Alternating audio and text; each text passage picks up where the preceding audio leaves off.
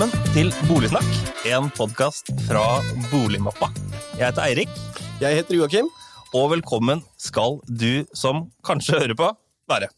Ja, det er nok ikke så mange foreløpig, men eh, de gode podkastene begynner litt sent. Det gjør det. Har du det bra da, Joakim? Jeg har det bra. Jeg har, eh, jeg har uh, tvillinger på tre måneder, så jeg sover litt lite. Men Erna uh, ba oss produsere barn for noen år siden i nyttårstalen, og jeg har gjort det. Jeg produserte barn, uh, og nå må jeg betale prisen. Så jeg, jeg merker det jo på kroppen, og det er dyrt. Og jeg må, eh, jeg må flytte, fordi vi har jo forskuttert med Jeg har tre barn, eh, og tvillinger kom sist, så det var ikke planen.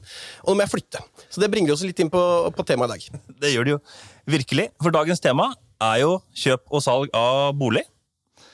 Eh, mer spesifikt, hva skjer i forkant av et salg? Hva bør jeg, som har en bolig som jeg skal selge, gjøre for å få en best mulig pris? For vi har jo alle hørt om naboen som fikk 900 000 over takst, og det vil jo jeg òg. Absolutt. For å hjelpe oss med det har vi fått en eh, veldig eh, flott gjest på besøk i studio i dag. Hun er eiendomsmegler, men ikke hvilken som helst eiendomsmegler. Dagens gjest har vært mest omsettende megler i DNB og topp ti i Privatmegleren. Du kunne se henne på forsida av avisa under tittelen 'Meglernes mester'. Hun kan se tilbake til svært gode resultater gjennom hele sin karriere. Velkommen, Helene Solberg. Tusen takk for det. Veldig veldig hyggelig å bli invitert. Var det en god introduksjon? Glemte vi noe? Jeg fikk gåsehud. Ja, Det var ikke noe vi utelot. vil jeg bruke. Ja, og, og det vil jeg si, Helene, du har jo en enorm energi. Eh, jeg hadde en eh, tøff dag, som sagt, og etter å ha møtt deg nå i to minutter, lyser opp. Så utrolig bra. Du virker ikke som du har en dårlig dag. Nei, eh, men eh, da skal du se meg på en god dag. Ja, Ja. Da er det fyrverkeri. Ja. Kan noen ganger til og med bli litt mye. Ja, Så like god er energi som meg, da. absolutt. Men hvordan blir du en toppmegler? Det har jeg lurt litt på. Ja. Hvordan blir man en toppmegler? Um, du må jo starte med å bare bestemme deg for å bli det, da. Rett og slett. Ehm, eh, det er et veldig vanskelig spørsmål. Ja, og det er vel ikke du som har satt den merkelappen på deg selv? Nei, det er ikke det. Og det, er, eh, det eneste som jeg vet, er jo det at jeg ville bli eh, eiendomsmegler. Jeg hadde brant veldig for det allerede på studiene på BI. Og jeg gjorde alt jeg kunne for å ha de beste karakterene, jobbet som medhjelper, jeg stilte opp på alt disse meglerne eh, kjørte meg rundt på, holdt jeg på å si, med visninger og overtakelse og alt. Um, og så hadde jeg bare et veldig veldig sterkt brennende ønske om å få det til. Og så er jeg jo konkurransemenneske, da. Så um, når jeg så at uh, Dette her er jo noe som jeg takler ganske greit. I all min ydmykhet. Men da tenkte jeg, vet du hva, nå skal jeg til toppen. Så um, da bestemte jeg meg, og så kjørte jeg på. Så bra.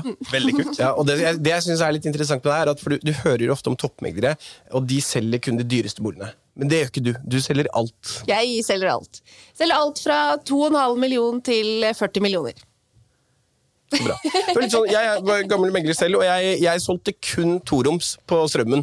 Eh, Det blir jo ikke toppmeglere av. Eh, Det kan du faktisk ikke leve av. Så jeg gikk ut av bransjen, så her sitter jeg. Ja. Altså det som jeg tror man må tenke på da, Hvis man vil selge mye, så må man ikke, eh, må man ikke eh, fokusere på f.eks. ett område eller én type bolig. Hvis du skal selge mye og selge volum altså Det er jo travelt, men da må du jo også ta alt. da. Og så må du legge hjertet ditt i hvert eneste salg. Og det som er så fascinerende, det er jo det at det, om du selger en bolig til 2,5 million på Kalbakken, eller en eh, bolig til eh, 40 millioner på, på Vinneren, så er det akkurat det samme eh, disse selgerne står over. De er like nervøse. Eh, før visning kommer det noen, har noen meldt seg på? Hvordan er statistikken? Hva skal vi gjøre før foto? Kan du hjelpe oss? Hva, bør vi fikse det? Bør vi fikse det? Det er akkurat de samme spørsmålene og samme, hva skal jeg si, eh, lille småangsten noen har da, før de skal inn i den prosessen med boligbytte. Så om boligen koster 2 millioner eller 40 millioner, det har egentlig ingenting å si. Det handler om mennesker. Så det er der du må være flink, faktisk. Spennende. I dag skal vi finne ut av eh, hva bør man gjøre før et salg. Um, og Helene, man har funnet ut at man skal flytte.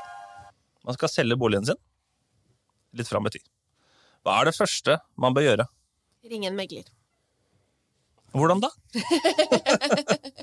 Ringe meg. Nei da. Em, det første du må gjøre, er egentlig Det som er lurt, da, det er å, å spørre venner og bekjente eller familie om de har eh, noe erfaring med det, og hvem de eventuelt har brukt, om de er fornøyd eller ikke.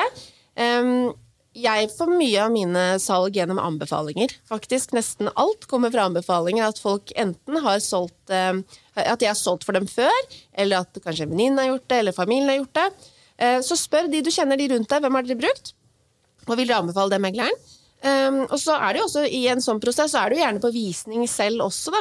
Og der er et veldig veldig godt tips, både til de som skal kjøpe bolig, og faktisk meglere. Uh, det er jo det at det er jo Visningen er jo meglers audition, på en måte. Um, det er jo der vi får vist fram hvor flinke vi er til å presentere en bolig. Og det er jo selvfølgelig også noe som kjøper, nei, selger, mener jeg, selger forventer av oss. At vi skal kunne alt om boligen og følge opp alle på en riktig måte. Men de som kommer inn, de vil også legge merke til hvor flink du er til oppfølging osv. Og, så og det samme i budrunden når du ringer og prøver å få tak i det, sender SMS, hvis de ikke tar telefonen osv. Da legger du igjen et veldig godt inntrykk av deg selv som megler også. Og du som er på jakt etter megler, tenker ja, hun var flink. Hun vil jeg skal selge min bolig også. Og der har jeg også fått mange oppdrag, faktisk. Folk som har ringt meg eh, lenge etter at de har møtt meg på visning. Men som da sier at vet du hva, vi hadde en så god opplevelse på visning med deg og oppfølging i budrunden at vi ønsker at du skal selge boligen vår. Men hvis, hvis jeg skal, uh, skal selge boligen min, og jeg skal ha tak i en eiendomsmegler, så begynner man jo ofte, uh, veldig mange gjør det, at de, de googler. da. Googler eiendomsmegler, eller nå skal jeg selge. Og da blir du ofte brakt videre inn på Mitt anbud, Tjenestetorget. Hvordan eh, er de portalene? Jeg eh, vet ikke helt. jeg bruker ikke de portalene. Men eh, jeg opplever der at eh, der, der kommer du inn i en sånn Leeds-kanal inn til forskjellige meglerselskaper, og så blir det på en måte et lead, da. Ikke sant? Hva skal vi si Oslogate 1 skal selge, og så blir det sendt ut til de kontorene som sitter i området der. Og da kan du på en måte havne hos hvem som helst. Selvfølgelig så er det lurt å ta inn flere for å se forskjellen osv., men jeg tror det er veldig viktig at man eh, tenker på dette her at når du skal selge en bolig, eh, så må man ikke alltid gå f.eks. etter hvem som er den billigste megleren. Da. Eh, og det er jo som regel det litt sånn mitt anbud og sånne ting følger jeg på, det er egentlig for å shoppe pris. Um, det som er viktig når du skal selge, det er jo, eller med meglervalget, er jo at du har tillit til den som, som sitter der og, og, presenterer hvordan man gjennomfører en salgsprosess. Um, og at du kanskje har de referansene osv., kanskje du har møtt de selv på visning osv. Men det er ikke sånn at det er Det er litt som å pusse opp badet. Den billigste rørleggeren er ikke den som gjennomfører det best. på en måte. Uh, så det handler jo om erfaring. Det gjør det. Mm. Så følg magefølelsen, og ikke gå alltid for den billigste. Det er ikke alltid like lurt. Ja. La oss gå videre til en annen uh, fagperson som er viktig i forbindelse med et salg, nemlig takstmann. Ja, takstmann. Hvordan går man frem da? Er det noe man velger sjøl? Er det du som megler som finner en takstmann? Hvordan fungerer det? Du kan jo velge selv. Altså, du kan jo finne en takstmann selv, men de aller fleste meglere har en takstmann som de på en måte har litt på speed dial. Da. Ikke sant? At uh, 'nå har jeg fått inn et oppdrag, kan du hive deg rundt og dra til den kunden'? Så det er nok det vanligste, tror jeg. Jeg har jo en takstmann som jeg har hatt siden jeg startet som megler. Så han har jeg holdt meg tro til. Og han leverer fine rapporter og er hyggelig, og kundene liker han. Og, ja. Så ja, du kan bestemme selv, men du kan også spørre altså Spør alltid megleren. Megleren har alltid en takstmann de kan sende. Mm. Er det ofte sånn at, man, eh, at det selger for en takst de ikke er fornøyd med? Velger en annen uh, takstmann for en bedre takst osv.? Ja, det er det jo for så vidt, men vi må bare skille de begrepene. For Før så kalte vi det for takst fordi de faktisk satte en takst på boligen, og det gjør de jo ikke lenger. Det sluttet vi jo med 1.6.2016. Men jeg har fortsatt kunder som sier 'hva ble taksten'? Prisantydning, den er det du og jeg, kjære kunde, som bestemmer. Det takstmannen gjør, de lager en tilstandsrapport for å sjekke liksom eh, Avdekke feil, da, eller eh, et eller annet. Hva skjedde? Jeg vet ikke hva som skjedde. Det. det takstmannen gjør, det er jo det at de, de kommer jo for å sjekke boligen. Eh, og tar sin runde og måler fukt, måler opp eh, arealer sjekke vinduer og dører og lagre en rapport, slik at du også da har en eh, tilstandsrapport i salgsoppgaven som da kundene kan føle seg trygg på at her har det vært en fagmann innom og tittet. Mm. Um, og så er det jo litt sånn i forhold til boligselgerforsikring, så får du på en måte ikke tegnet boligselgerforsikring hvis ikke du har hatt en takstmann innom. Så ja, det henger litt sammen. Ikke sant? Men, men kan man kan, det, det du nevnte, Erik. Kan du si at du får en takst da, eller en tilstandsrapport, og så får du Og den, den er du ikke fornøyd med? Det står at det er fukt på badet. Du vil ikke ha fukt på badet ditt. Kan du be om en få en ny takstmann og få en ny rapport, og så skrote den første rapporten og legge fram den nye? Og så velge å ikke si noe om det. Ja, det er jo ikke lov. Nei, det er jo ikke det. Nei, altså, Det som er viktig når du skal selge, er at du må jo alltid være ærlig om boligen din. Du må jo fortelle eh, de som skal kjøpe den, eh, om alle feil og mangler som du kjenner til. Så, så hvis du har hatt en takstmann, eh, og han har målt fukt på badet, så er det kanskje det dummeste å hente en ny takstmann og lage en ny rapport og ikke si noe om det, og så plutselig blir det en reklamasjonssak, og så finner man den gamle rapporten og sier men det her visste jo du, og så plutselig så gjelder ikke forsikringen for deg som kunde. Så hvis du, akkurat det der med fukt på badet, den er jo litt sånn Den er jo litt eh, snodig, da, for du de måler i dusjsonen, og hvis du akkurat har dusja, så er det jo klart at da ligger det vann mellom fugen og flisen. Fordi Eh, flisen og fugen er jo ikke vanntette. Det er jo membranen som er tett, som ligger bak flisen. Så hvis du akkurat har dusja, så er jo flisene våte og fugen helt gjennomvåt. Så da kan det hende at du får et eh, altså du får utslag. Så hvis du får utslag på en sånn eh, fukttest da, med en takstmann, så er det beste er å gjøre å ringe til takstmannen og si du, kan du komme tilbake og måle. Eh, fordi veldig ofte så kommer de på morgenen, formiddagen, ikke sant? og da har man kanskje akkurat brukt dusjen. Så får man måle igjen. Eh, noen ganger så vil du da vise at du, du har fukt i veggen i det hele tatt. Eh, selv om det er et bad du bruker hver dag. Andre ganger så viser det at ja, du har fukt i dusjen. Det er et godt poeng. Ikke dusj før takstmann kommer. Bruk klut, da. klut i vasken. Men, ikke sant? Og det er jo er det fukt i veggen, så vil jo uansett ikke det hjelpe om du ikke dusjer på en uke, så vil det fortsatt være fukt i veggen hvis det er en skade. ikke sant? Så det er jo litt sånn. Men jeg ville bare forholdt meg til Har du valgt en takstmann, så forhold deg til den takstmannen. Og så kan du heller diskutere hvis det er ting du er misfornøyd med, at du har fått uh, tilstandsgrad to på noe som du mener ikke er tilstandsgrad to måte, så kan du diskutere med hvorfor er dette her Hvorfor har denne fått denne karakteren her, da? Ikke sant? Og prøve å forstå det. Så kanskje han argumenterer sånn at man forstår det, eller så blir man enig med at ok, kanskje den, jeg var litt streng der. Kanskje jeg setter den til TG1, for eksempel. Mm. TG. TG. TG. Det må du forklare nærmere. Til du Ja. nevnte tilstandsgrad. Jeg hoppa rett på TG. Ja, men det er bra, for du er Nå eksperten. er vi inne i grøten her. Ja. Nå, da, nå begynner jeg å tenke. Nå koser vi oss. Ja. TG, ikke GT. Nei, riktig. Uh, okay. Ikke gin tonic. Ikke gin tonic. Ikke gin Nei, hva er en TG? Tonic i gin. Men for eksempel, Ja. eh, jeg har hatt uh, takstmannen på besøk. Fått tilstandsrapporten tilsendt fra megleren min. Så står det TG3 på badet. Hva betyr det, da? Da betyr det at dette badet må du faktisk regne med å renovere Ja. på et bad. Det er dyrt. Hvis du har et eget tre på et bad, så er det da, da tror jeg du som kunde som skal kjøpe en bolig, da må du regne med at du må pusse opp badet.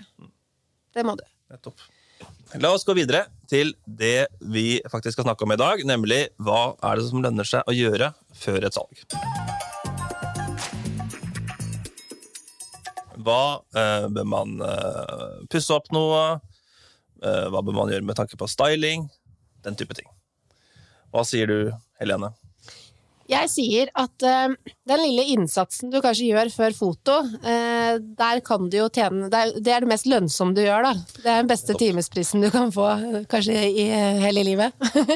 For det er eh, Det som er viktig, det er jo å tenke når vi tar foto, så bør alt være eh, så bra det kan. Fordi første møte eh, med drømmehjemmet til de potensielle kjøperne, det går gjennom en eh, annonse på nett, ikke sant? Så, så den lille ekstrajobben du gjør der, den, den kan du tjene godt på, for å si det sånn. Så der er det jo litt forskjellig da, hva, hva folk ønsker å gjøre og må gjøre. Det fins jo ganske mye forskjellige boliger her ute. Hvordan er det med eh, Utgangspunkt. Veldig. Og du har jo sett disse Finn-annonsene hvor, hvor det henger en eh, sexhuske på soverommet, og det er bilder av barnebarn eh, tapetsert på, på veggen. Eh, hvordan er det med liksom personlige ting? Og den syns jeg er litt vanskelig, fordi jeg eh, har egentlig aldri noe godt svar på akkurat det. Men eh, jeg tenker jo mer sånn eh, Kanskje man ikke er keen på å ha alle familiebildene sine florere på nett, da. Kanskje. Selv om vi er jo ikke akkurat så flinke på det uansett, i sosiale medier. Men, eh, men eh, jeg tror kanskje ikke akkurat det har så mye å si for de som skal kjøpe. Men det som er viktig, det er jo det at eh, Det er jo mange som Når du skal ha foto, da, så rydder de vekk så mye. Og det syns jeg er så trist, for det, plutselig så blir det en bolig som du var på befaring som egentlig var veldig koselig, da. Og så har alle har, har kundene ryddet vekk alt, og så ser det veldig sterilt ut. Ser det nesten ut som en liten lagerboks, ikke sant. Og det er jo ikke noe hyggelig. Da får ikke jeg jo lyst til å drømme meg vekk i denne boligen her. Så det er jo kanskje et uh, veldig enkelt tips, da. Ikke rydd vekk for mye ting. La det faktisk være La det, la det se ut som et hjem, da. det må være ja, Den er litt ny, for jeg får ofte inntrykk av at det skal være så sterilt som overhodet mulig. Men hvorfor det? Godt poeng, men hvis du, hvis du har en uh, toroms da på 18 kvadratmeter, så er det jo dumt å ha gyngestolen, er det ikke det? Og 14 planter, uh, så den leiligheten blir den, veldig liten. Da tror jeg den har fått masse oppmerksomhet. Ikke sant? Det er nytt. Her har du godt til og med plass til gyngestol! Sist jeg solgte, så kom, uh, kom megleren, og jeg måtte ta bort alt. Absolutt alt. var Ble det nesten fine bilder, da? Nei, jeg syns egentlig ikke det. Det ble, det ble litt som du sa, litt upersonlig. Ja. Ja. Og det er, eh, jeg opplever i hvert fall det at eh, de, de annonsene som får eh, best treff, det er jo de som faktisk viser litt personlighet òg, da. Så eh, nei, ikke gjør det sterilt. Da blir jeg så lei meg når jeg ser bildene. Men det skjer ikke med meg som megler, da. Det gjør jo ikke det. Men jeg er veldig opptatt av akkurat de tingene der. Veldig opptatt av å få solgt inn deg selv her òg. Det er ikke dårlig. Det er det beste tipset. tror jeg velger Ja, det-. Podkasten er sponsa av det, men Herlig. Hvor eh, Det er blitt mer med vanlig er det ikke det, å bruke profesjonelle til styling? Ja, det, det har vel sikkert blitt en økning eh, i boligstyle-verden, tipper jeg. Men her er jeg veldig opptatt av at man skal eh, først se hva, hvilket utgangspunkt har vi. Hvem er det som faktisk trenger styling, og hvem er det som fint kan gjøre dette her på egen hånd? det, nå gjør jeg ikke dette for å selge meg selv, altså, men, men det er faktisk litt viktig. Fordi eh, hvis du kommer til eh, helt normalt, gjennomsnittlig eh, A4-hjem, så ser jeg det at det her, veldig ofte, trenger man ikke stylingbyrå her. Her kan man gjøre veldig mye ved å bare få inn noen nye øyne. Og jeg syns jo sånne ting er veldig gøy, da, så jeg pleier alltid å si til kunden min at vet du hva, kjøp inn eh, de tingene her. Så kommer jeg med sånne enkle tips. da. Kjøp hotellputer på Ikea. Kjøp eh, eukalyptus, planter på plantebutikken. Kjøp litt blomsterbuketter og noen vaser og litt sånne ting. Og ta fram litt bøker, så at vi har noe å bruke. Bøker, vaser og pynteting. Og så pleier jeg å komme hjem til kunden før foto. Altså selv, jeg eh, rydder faktisk kalenderen min. Fordi jeg mener at dette er så viktig, da. Jeg drar heller en time til den kunden, og så styler jeg sammen med kunden. Og da er det rett og slett sånn at jeg sier vet du, sorry, ass, men nå må jeg bare få lov til å fikse dette for deg. Og de blir jo kjempeglade. Ja, jeg vet ikke helt hva jeg skal gjøre. For dette for meg er jo et nytt lerret, men de har kanskje sett seg blind på sin egen bolig. Og da går jeg rundt og fikser opp og styrer og lager litt eh, koselige grupper på et salongbord, og får de til å dekke på bord og ja, ordner. du går jo stylisten i næringen. Du er jo et monster. Du tar fra dem uh, leveret deres. Jeg tar fra Nei, uffa. Ja, men, men det jeg mener, da, det er jo så synd, for det er så mange som har så mye kule ting. Ikke sant? Som de har kanskje gjemt bort i skap. Da, ikke sant? Kanskje har fått noe i bryllupsgave. og sånt. Så bare, herregud, her kan vi bruke, ikke sant? og her kan vi sette en fin blomst, osv. For det er jo ikke så vanskelig, egentlig. Hva med male? Ja. Ehm, veldig mange ganger, kanskje mest på sånne klassiske bygårdsleiligheter, så ser man sånn sot eh, på veggen som kanskje kommer fra en kakkelovn eller et eller annet sånt. Eller det er Korte rødprins uh, Ja, innendørs. ja. Der kan det være lurt å male veggene. Men mal de nøytrale. Trenger ikke å gjøre så veldig mye ut av det. Men uh, det er fordi at de sot... eh, Hva skal jeg kalle det? Sotskyggene. Ja. De, de syns veldig godt på bilder. Og så har du da eh, en ting som er kanskje veldig typisk meg, da. Når jeg selger små leiligheter, som jeg også selger veldig mye av, da.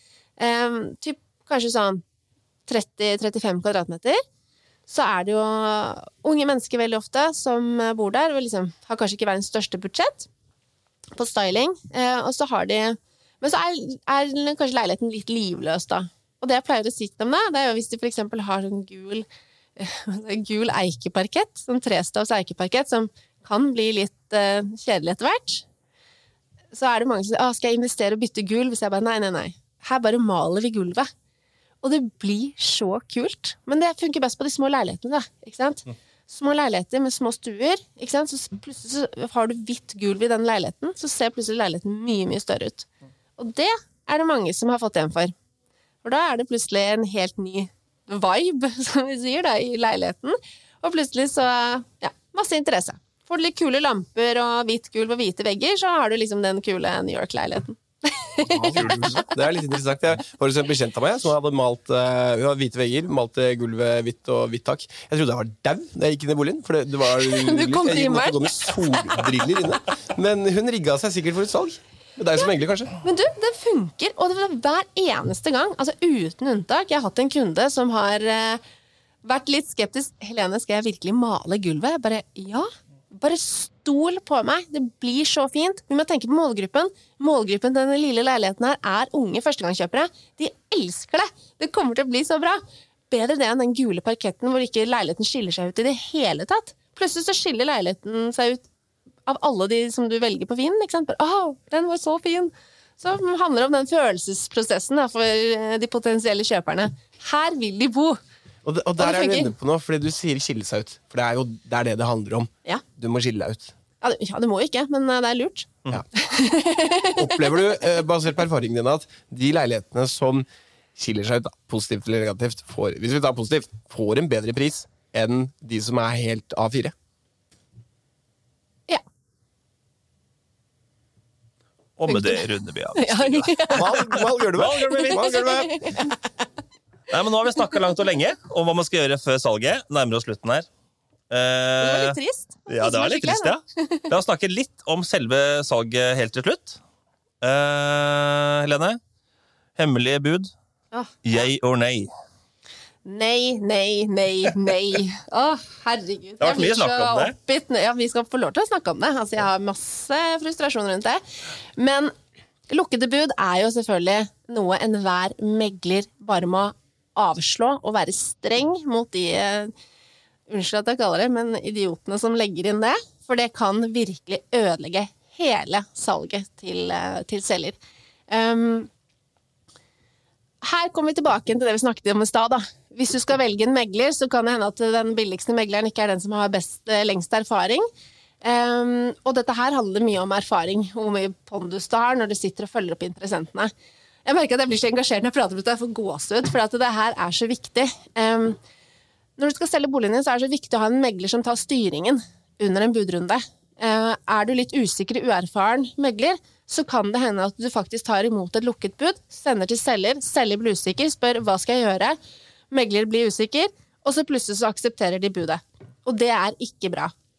Jeg har, jeg har virkelig til gode å ha en eneste budgiver som har lagt et lukket bud, som aldri har kommet med det samme budet igjen, åpent. Det er interessant. Altså, ellers så får du ikke kjøpt boligen. Men du må være streng. Du som megler må være streng. Kommer det et lukket bud, så ringer jeg rett med ja, men du, det her går ikke. Tusen hjertelig takk for budet ditt, men det forbeholdet der, det må du stryke. Ellers så sender jeg det faktisk ikke videre til selger. Jeg er kjempestreng. Fy flate, jeg merker det, og jeg får helt puls, for jeg, jeg, jeg har jo uh, kjøpt leilighet på, i lukket bud. Så nå, jeg føler meg Ja. kriminell når jeg sitter, så rett i badstue. Men, uh, det- eh, ja. ja, og, og jeg merket jo Jeg var jo Men du fikk den også sikkert mye billigere. Jeg gjorde det. Eh. Jeg gjorde nok det, eh, fordi det ble solgt en tilsvarende leilighet rett etterpå, ganske mye høyere. Og jeg var jo psykopat i gjerningsøyeblikket. Jeg var helt eh, rabiat. Men hva sa megleren? Jeg ringte jo ikke megleren, jeg ringte jo rett til selgeren. da Og ja. så var jeg knallhard, fordi han, han sa først nei. eh, og så fortalte jeg at ja, men ok, jeg ser på en annen leilighet. Jeg så Hasta la vista, da går jeg til den. Og så ringte han opp igjen fem minutter etterpå og sa ja. Jeg tror ikke han forhørte seg med megleren. Dette er en del år siden, da. Og det er, ehm, det er kanskje det viktigste du gjør, da. Um, hvis du er for eksempel noen som prøver å kuppe. Det er også en sånn skikkelig uting som eh, har blitt uh, litt for vanlig nå. Um, jeg tror det er mange som lar boligen sin bli kuppa uten å konferere med megler. Og det er veldig dumt. Veldig dumt. I de aller fleste tilfellene så vil du få mer for boligen din hvis du lar den gå i budrunde. Eh, For de som da har lagt inn dette superattraktive budet, de, eh, hvis de virkelig vil ha den leiligheten, så er de der også i budrunde. Det er de.